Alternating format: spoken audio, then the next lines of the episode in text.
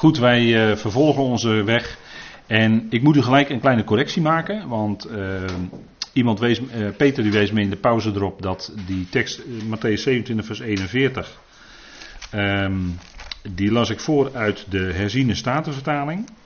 Maar ik heb het nagekeken. Blijkt dat in de, laat maar zeggen, de beste handschriften het woord fariseeën ontbreekt. Het woord fariseeën ontbreekt. Ik heb het uh, gecheckt. En uh, dus dat is iets wat waarschijnlijk eh, de herziene statenvertaling is nog gebaseerd op de textus receptus. Dus waarschijnlijk heeft het daar wel in gestaan, maar echt een goede handschriften staat het niet. Dus dat punt moet dan vervallen. 1 staat tot 4. Het is natuurlijk wel zo, er worden genoemd overpriesters, schriftgeleerden en oudsten. Dat die hem bespotten, dus het is ernstig genoeg. Alleen het punt van 1 staat tot 4 vervalt daarbij. Dat, staat, dat woord fariseeën staat er niet. Dus correctie van mijn kant. Ja. Ja, in de NBG staat het goed, klopt. Ja, ja, ja. Goed, dan gaan wij verder met elkaar naar deze correctie Matthäus 27 vers 41. En dat is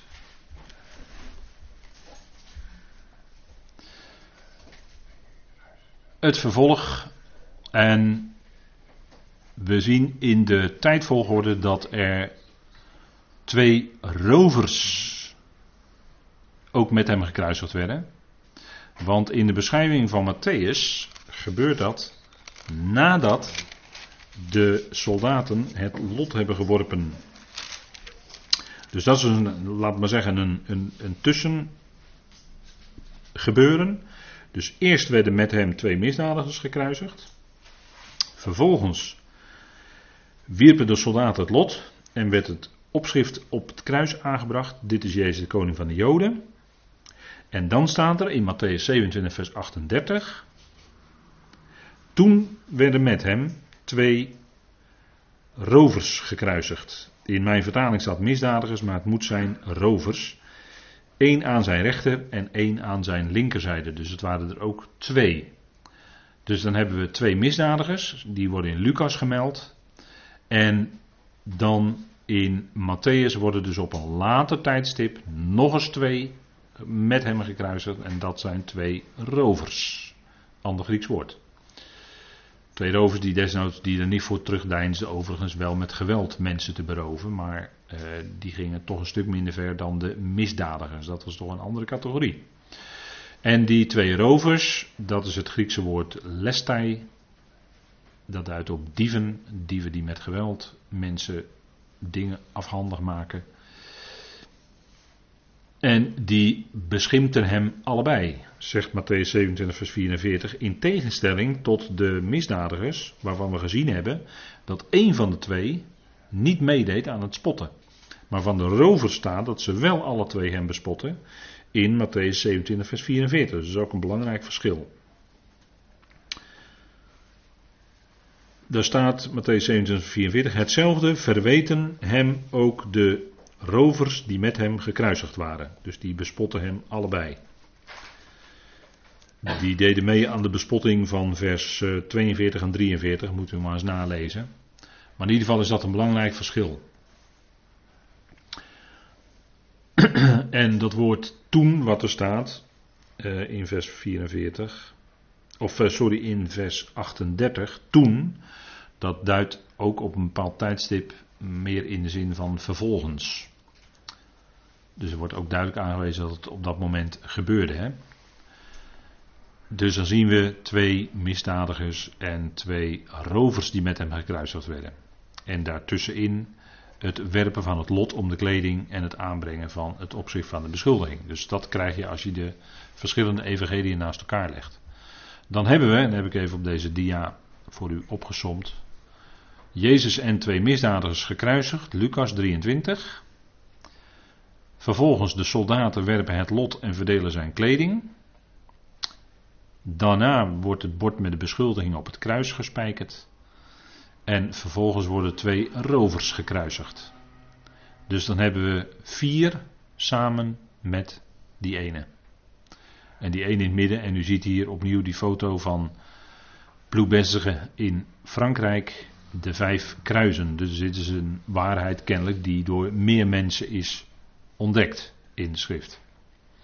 U kunt het ook bijvoorbeeld terugvinden in de Companion Bijbel van Dr. Bullinger. Uh, die heeft daar ook de nodige aandacht aan besteed. Die geeft bij alle versen ook uh, commentaren. En als je die Companion Bijbel hebt, dan uh, kun je dat ook bij Bullinger terugvinden. Die wijst daarop. En ook de samensteller van de Concordant Version, broeder A.E. Nog, die zegt dat ook. Die gaat daarin mee. Die, duidt ook, die wijst ook op de verschillen in het Grieks.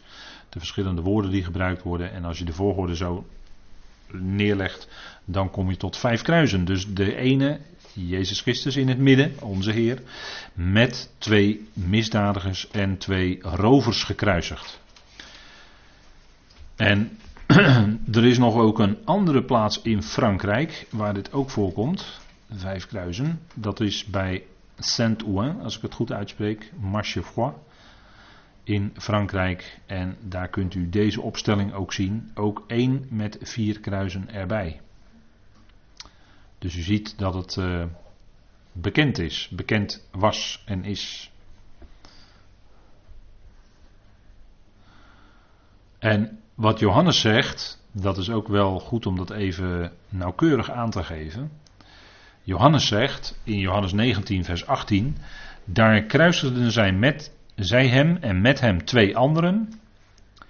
Aan elke kant één en in het midden Jezus. Althans, zegt de vertaling. Als je wat nauwkeuriger kijkt, met name die tweede zin, dan staat er niet aan elke kant één, maar er staat met hem twee anderen, twee hier vandaan en hier vandaan. En dan moet je toch denken aan vier. Twee om twee, hè? En dan de nadruk ligt en in het midden Jezus. Daar ligt de nadruk op. En dan twee hier vandaan en hier vandaan. Dat wil dus zeggen aan weerszijden van hem twee. Dus in totaal vier. Dat is wat letterlijk het Grieks zegt. Dus anderen, hè, twee anderen, twee hier vandaan en hier vandaan. En als het alleen maar twee anderen samen met hem zou zijn, dan had er moeten staan anderen, twee hier vandaan. En dat was voldoende geweest. Maar nu staat het er twee keer, dus dat is een bepaalde constructie in het Grieks, die toch heel sterk in die richting wijst. Dus dan ziet u dat ook Johannes in feite dat bevestigt, alleen op een iets andere manier zegt. Dus die ene met vier anderen gekruisigd. En in die rovers, want daar hebben we eigenlijk nog niet zo bij stilgestaan. In die rovers, daar zou je eigenlijk ook, en dat is misschien wel schokkend ook, zijn eigen volk in kunnen zien. Want bij gelegenheid wijst de profeet, benoemt de profeet hen als rovers. Laten we even kijken in Malachi. Malachi 3. Malachi 3.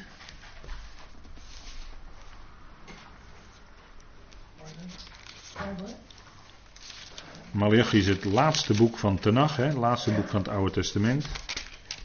Zacharia Malachi. Hè, als je dat uit je hoofd opdreunt, dan eindig je daar. Zacharia Malachi. En de dienst van Malachi was natuurlijk ook het woord van de Heer. Hè, dat staat in Malachi 1, vers 1. Een last, zo werd een profetie vaak genoemd. Hè, dat, dat drukte als een last op de profeet en die moest dat dan gaan zeggen. Een last, het woord van Yahweh tot Israël door de dienst van Malachi. En Malachi betekent mijn boodschapper. En is daarbij in feite in de naam ook en in profetisch ook een type van onze Heer, die de boodschapper van God bij uitstek was, hè, de Heer Jezus Christus. Malachi, dus die sprak tot Israël en dan zegt hij in hoofdstuk 3, vers 8. Zou een mens God beroven? Werkelijk, jullie beroven mij. En dan zeggen jullie, waarvan beroven wij u? Van de tienden en het hefoffer. Jullie zijn door de vloek getroffen omdat jullie mij beroven als volk in zijn geheel. Ziet u het? Eigenlijk uh, het woord wat er naartoe gaat heeft te maken met eh, frauduleus handelen. Frauderen eigenlijk, maar ja, frauderen dat, is, uh, dat doe je meestal voor je eigen gewin. Dus dan uh, beroof je daarmee God. Ze, gaven, ze deden wel alsof ze het vereiste aan God gaven, maar in werkelijkheid deden ze dat niet. En, daarvan, en daarmee beroofden ze hem en waren ze rovers. En daardoor kunnen we zeggen dat in die rovers zijn eigen volk zichtbaar werd. Die twee medegekruisigde rovers. Dus dan hebben we bij die misdadigers de volkeren, hè, de Adamieten, de, de mensheid, en bij die rovers specifiek nog eens het volk Israël apart genoemd. Dus dan zien we eigenlijk dat die hele wereld samen, daarin hè, is te zien dat die hele wereld samen met hem gekruisigd werd. En dat is echt geen, uh, dat is echt geen onschriftuurlijke gedachte. Dat is juist heel erg schriftuurlijk. Maar eerst nog nog een verhouding van 1 staat tot 4. Dat waren namelijk de vrouwen die toekeken. En dan staat er in Matthäus uit de verte. En Johannes is dan ietsje specifieker nog. Maar zeggen vrijwel hetzelfde. Johannes 19 staat dat er vier vrouwen toekeken. Namelijk zijn moeder, Maria dus. De zus van zijn moeder. Maria van Klopas en Maria Magdalena. U ziet het bijna allemaal Maria's hè, hier. En die keken toe en die waren hem gevolgd. En er waren veel vrouwen die uit de vette toekeken, zegt Matthäus. Ze waren Jezus gevolgd uit Galilea. bij gelegenheid wordt dat genoemd het Galilea der heidenen. Om een bepaalde reden. dat werd vanuit Judea gezegd tegenover de inwoners van Galilea.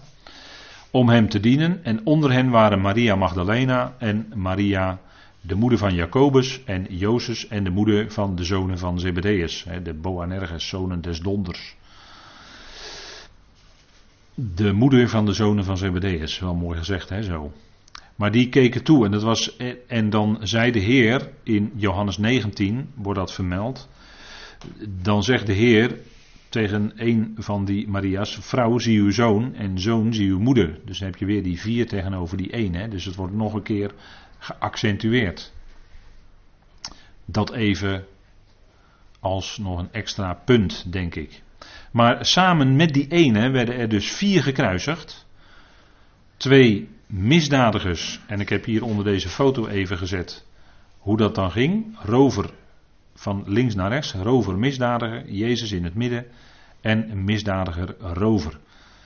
En het punt is dat in die vier wordt eigenlijk die hele mensheid zichtbaar, want vier is eigenlijk het getal van de wereld, hè, van de vier hoeken van de aarde, de vier windstreken, wordt eigenlijk dan in, vaak in de profetie en ook in bijvoorbeeld Matthäus zelf, wordt daar de hele wereld mee bedoeld. En het punt is dat die hele mensheid, die, werd, die hele wereld, die hele mensheid werd samen met hem gekruisigd. En dat zegt Paulus ook in 2 Korinthe 5, de bekende vers. Want de liefde van Christus dringt ons, die dit oordelen, indien één voor allen stierf, zij dan allen gestorven zijn. Kijk, zo rekent God. Die ene is gestorven en met hem zijn allen gestorven. Dus die ene zoon van Adam, die stierf daar en met hem en in hem eigenlijk die hele oude mensheid. Zo rekent God. En, die, en dat wordt eigenlijk zichtbaar in die vier, juist vier, kruisen die daar stonden samen naast die ene. Een uitbeelding van dat heilsfeit wat Paulus dus later gaat uitwerken. Want alleen Paulus spreekt indringend over de effecten, de gevolgen van het kruis. Hè, wat de kruisiging en wat het kruis betekende. Dat dat gebeurd is. En dat die oude mensheid, dat zegt Paulus ook in Romeinen 6. Die hele Adam-mensheid werd met hem mede gekruisigd. Want Paulus zegt in Romeinen 6, vers 6: Dit wetend, dus dit zouden wij weten, punt hè, dit zouden wij weten, dat onze oude mensheid, of oude mens, tezamen met hem, dat hem heb ik tussen haakjes gezet, want dat staat niet letterlijk in de grondtekst, gezamenlijk met, hè, tezamen met, dat Griekse woord sun, hè, dat, dat duidt op echt samen met, gekruisigd werd, opdat het lichaam van de zonde buiten werking gesteld wordt. Dat is de bedoeling, hè, dat wij rekenen zoals God rekent, en dat we ons lichaam niet langer ten dienste stellen van de zonde, maar we zijn nu bevrijd, en we stellen ons lichaam voortaan ten dienste van God. dat is zoals Paulus er verder in Romeinen 6 ook over spreekt. Niet langer ten dienste van de zonde, maar ten dienste van God of ten dienste van zijn rechtvaardigheid. Dat is het effect, en dat is ook het hele praktische effect van het kruis in ons leven. hier wordt gezegd gekruisigd, samen, gezamenlijk. En we weten uit de schrift dat het gezamenlijk met hem dus is. God rekent met hem en daardoor die hele oude mensheid als mede gekruisigd en gestorven. Zo zouden ook wij rekenen. En dat we dus onze ledematen van ons lichaam niet langer stellen ten dienste van de zonde. Maar we zijn verlost. We stellen nu onze leden ten dienste van God. Dat is Romeinen 6. Dus dat heeft een heel praktisch effect, hè, dat kruis. Dat oude is in feite voorbij. We rekenen dat het oude voorbij is. En we leven nu dat nieuwe. Dat is, het, dat is het gevolg van het kruis en opstanding. Paulus die zegt dat ook in, eh, in Galaten 6. Nog zo'n effect van het kruis. Hè? Eh, de hele wereld mogen het mij echter niet gebeuren mij te beroemen anders dan in het kruis van onze Heer Jezus Christus. Waardoor de wereld voor mij gekruisigd is en ik voor de wereld. Met andere woorden, je kunt zeggen, het effect van het kruis is, we zijn dood voor de wereld. En andersom, de wereld voor ons. En voor Paulus was dat specifiek, en vandaar dat ik die foto erop heb gezet. Specifiek was voor Paulus dat de wereld van het Judaïsme, om het zo maar te zeggen. Dat rekende hij als dat hij daarvoor gestorven was. Die religie, hè, dat religieuze, dat was voor hem voorbij. Niet de tenacht natuurlijk, dat is het woord van God. Uiteraard niet. Maar voor, voor wat betreft de religie, het religieuze judaïsme, dat was voor hem voorbij. Voor die, hè, dat zegt hij in de gelatenbrief, daar gaat het ook over in de gelatenbrief. Dat Christus het einde is van alle religie. Niet alleen van alle filosofie, dat zal de heidenen veel meer aanspreken. In die tijd zeker, met filosofen als Plato en Aristoteles en Socrates en Hippocrates en uh, Pythagoras en noem ze allemaal maar op. Hè.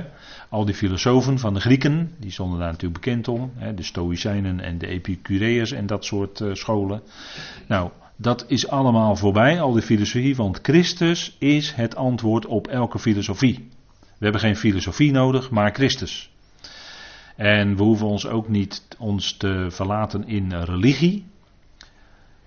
zoals onlangs nog een bekende corifee van een politieke partij ineens overging tot de islam. Maar die is inmiddels ook alweer overgegaan naar het jodendom. Alleen dat wordt, dat wordt niet rond. Ja, Jore uh, Klaveren. Uh, dat, dat wordt niet in de media rondgetoeterd. Dat niet, dat hij nu overgegaan is naar het Jodendom. Dus hij is inmiddels alweer een adres verder. Ja, nee, dat is echt, dat is echt waar. Het heeft in nieuw Israëlitisch weekblad gestaan. Daar ben ik op geabonneerd. Dus uh, dat, dat, daar heeft het echt duidelijk in gestaan.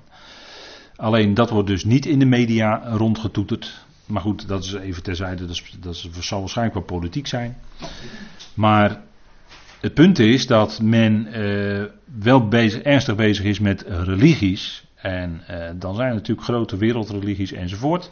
Maar daar gaat het allemaal niet om. Het antwoord op elke religie is Christus. In religie gaat het om dat jij iets moet doen. En het kruis zegt: Het is al gedaan. Hij zei aan het kruis: Het is volbracht. En daarom kunnen wij als gelovigen leven uit genade. Het effect van het kruis. Dat betekent niet wij hoeven het te doen. Nee, hij doet het. En dat is waar we vanavond ook mee begonnen. Afsnijding van het vlees. Want dat is wat ook op Golgotha gebeurde.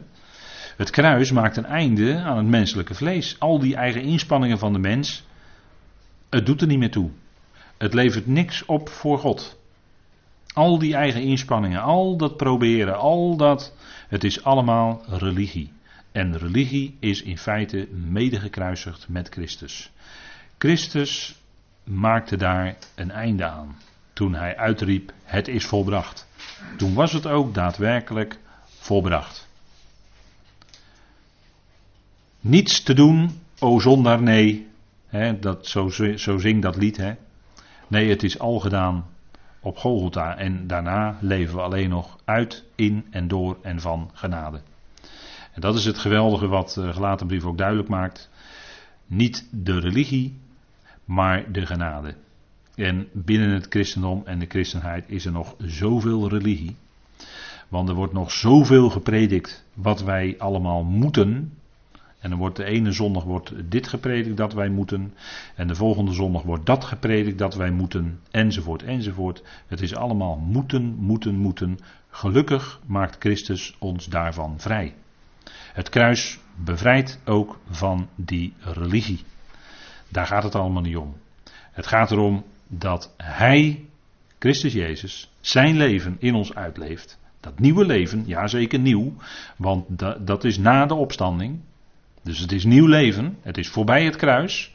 En al dat oude, nou kijk maar eens wat Paulus allemaal zegt, hè, wat er aan het kruis mee is gegaan. Dan noem ik de oude mens. Dat hebben we net gelezen. Het ego. Het ego. Niet meer ik, gelaten 2 vers 20, daar staat het Griekse woord ego. Niet meer ik, maar Christus leeft in mij. Dat oude ik is namelijk mede We hebben een nieuwe identiteit. Christus is onze nieuwe identiteit. Filosofie zegt: zoek jezelf. Het Evangelie zegt: Christus is het antwoord. Je, moet, je, je hoeft jezelf niet. Hè? De filosofie zegt: ken uzelf. Het Evangelie zegt: ken Christus, ken de Heer. En dan gaat dat nieuwe binnenkomen. Dan word je vernieuwd van binnenuit. En daar hoef je niet keihard aan te werken. Nee, dat gebeurt. En je wil alleen maar dan meer horen van Hem, meer weten. Je bent in open relatie met God, de Vader, gekomen. Altijd bij hem binnenlopen, met alles wat op je hart is. Daar gaat het om, hè. Dat nieuwe leven van Christus in ons, dat is het, hè. En dan ben je voorbij alle filosofie van de mensen, dan ben je voorbij alle religie. En oh, oh, oh, wat kan religie ook nog subtiel binnen de christenheid in ons leven binnensluipen. Het wil steeds de kop opsteken, maar we zouden ervoor rekenen dat het aan het kruis allemaal genageld is. Het vlees, het is allemaal voorbij. De wereld is allemaal voorbij. Het handschrift dat tegen ons getuigde, zegt Paulus, Colossense 2, is ook aan het kruis genageld. Dat is ook voorbij. En, en uh, alle religie in feite hè, gaat eraan. Nou, dat is, dat is het geweldige effect van het kruis. En het wordt zichtbaar in hè, dat die hele wereld, die hele mensheid met hem gekruisigd is, wordt zichtbaar in, het, in die vier kruisen. En we hebben vanavond gezien in welke volgorde het gebeurde. En dat het eigenlijk uit de schrift toch wel duidelijk aantoonbaar is dat het zo is. En dat is toch wel een bijzondere waarheid, denk ik. En het onderstreept nog eens een keer heel erg duidelijk. Wat Paulus ook vaststelt in zijn brieven. Waarin hij zo duidelijk spreekt over kruisigen en het kruis. Hè, dat maakt een einde aan alle vijandschap. Dat is ook zo geweldig. Hè? Verzoening is door het kruis. Het maakt een einde aan de vijandschap. Niet alleen aan de zonde, zonden. Hè? Hij stierf voor onze zonden. Dat zouden wij geloven. Hij stierf voor onze zonden, de dingen die wij fout doen. Hij hè, hij is daarvoor gestorven. Dat zouden wij geloven. En dat is een bevrijdende waarheid. Niet om door te gaan in het zondigen, maar om dat nieuwe leven te leven. En om te beseffen dat daar waar we nog fouten maken, dat dat niet tegen ons gebruikt wordt, want wij zijn niet meer te veroordelen. En dat is ook op basis van het kruis. Daarom is er geen veroordeling meer voor hen die in Christus Jezus zijn. Dat is alles genageld aan het kruis. En je kunt het ook met een beeld zeggen, die zonden zijn geworpen in, in, in een hele diepe zee en er staat een bordje in verboden te vissen. U kent dat beeld wel, hè? Nou, dat zouden we dan ook niet doen. We zouden het ervoor houden zoals het werkelijk is. Hij is tot zonde gemaakt. Al die zonden zijn gedragen. Dat is, dat is uh, voltooid verleden tijd. Het is volbracht, voltooid verleden tijd in het Grieks hoor. En dat is het geweldige van het effect van het kruis. En daarom is het zo geweldig om daar op die manier ook met elkaar over na te denken. En te zien dat samen met hem, die rovers en die misdadigers, dat zijn u en ik in ons vlees, in onszelf, mede gekruisigd werden. Maar God zij dank is dat oude voorbij, dood en begraven. En we willen leven, dat nieuwe leven van Hem. Hè? Dat zullen we ook leven. En dat doen we. Goed, even samenvattend. Wat hebben we vanavond gezien? Abrahams daden en wandel na zijn besnijdenis. Heenwijzing naar Golgotha in feite. Abraham en Isaac op Moria, ook een heenwijzing naar Golgotha. God en zijn zoon. Vier keer werd het lijden aangekondigd.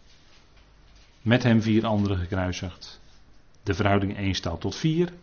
Nou, dat punt van de Joodse leiders is dan even anders. Meegekruisigd. En als resultaat is daar die nieuwe mensheid die naar voren komt. En uiteindelijk ook die nieuwe schepping, die nieuwe wereld. Hè? Maar dat is allemaal resultaten van het kruis. Dat is Gods plan. We denken daarover, is alles Gods plan? Nou, het kruis was zeker Gods plan. als de oversten van deze wereld geweten hadden, die wijsheid van God van voor de eonen, dan zouden zij de Heer van de Heerlijkheid niet gekruisigd hebben. Maar zij wisten het niet en ze hebben hem gekruisigd en ziet met welke wijsheid God daarmee werkt en dat uitwerkt tot een geweldige nieuwe schepping. dat is het. hij, Petrus zegt ook dat hij naar de bepaalde raad en voorkennis van God gekruisigd werd. Maar let op het woord raad, hè? Naar de bepaalde raad van God. Het was Gods wil dat hij die weg moest gaan. Want hij kondigde vier keer aan van tevoren dat hij gekruisigd zou worden. Hij noemde het kruis ook van tevoren. Dat was niet de verrassing. Nee, dat was de weg die de vader met hem ging. En in Gethsemane bad hij dan ook, Vader, indien het uw wil is, maar niet mijn wil, maar uw wil geschieden. indien het uw wil is dat die drinkbeker aan mij voorbij gaat, maar niet mijn wil, maar uw wil geschieden. Dat was die overgave van de zoon, de onderschikking aan de vader. Daar ging het allemaal om. En daarmee werkte God en werkt God iets geweldigs uit. Die hele nieuwe schepping waarin alle mensen uiteindelijk zullen delen als die tweede dood uiteindelijk is opgeheven, dan zullen alle mensen delen in het geweldige heerlijkheid. En dat is een resultaat, dat is de vrucht van het kruis, in feite. Van dood en opstanding van onze Heer. Dat is het centrale in heel Gods plan. Daar gaat het allemaal om. Nou, daar hebben we vanavond een aantal facetten even heel kort en snel gezien. Maar ik denk dat dat toch rijk is en dat we een geweldige, daarom een geweldige toekomst hebben. Tot zover en ik wilde met u danken. Vader, we danken u dat we ook vanavond een paar facetten met elkaar konden bekijken. Rondom de kruisiging van uw zoon 2000 jaar geleden, wat ervan beschreven is. Vader, maar ook een aantal geweldige aspecten.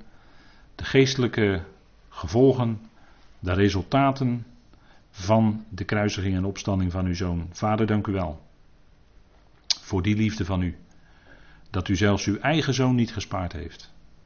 Maar samen met hem door dat lijden bent gegaan. En uiteindelijk levert het enorme heerlijkheid op.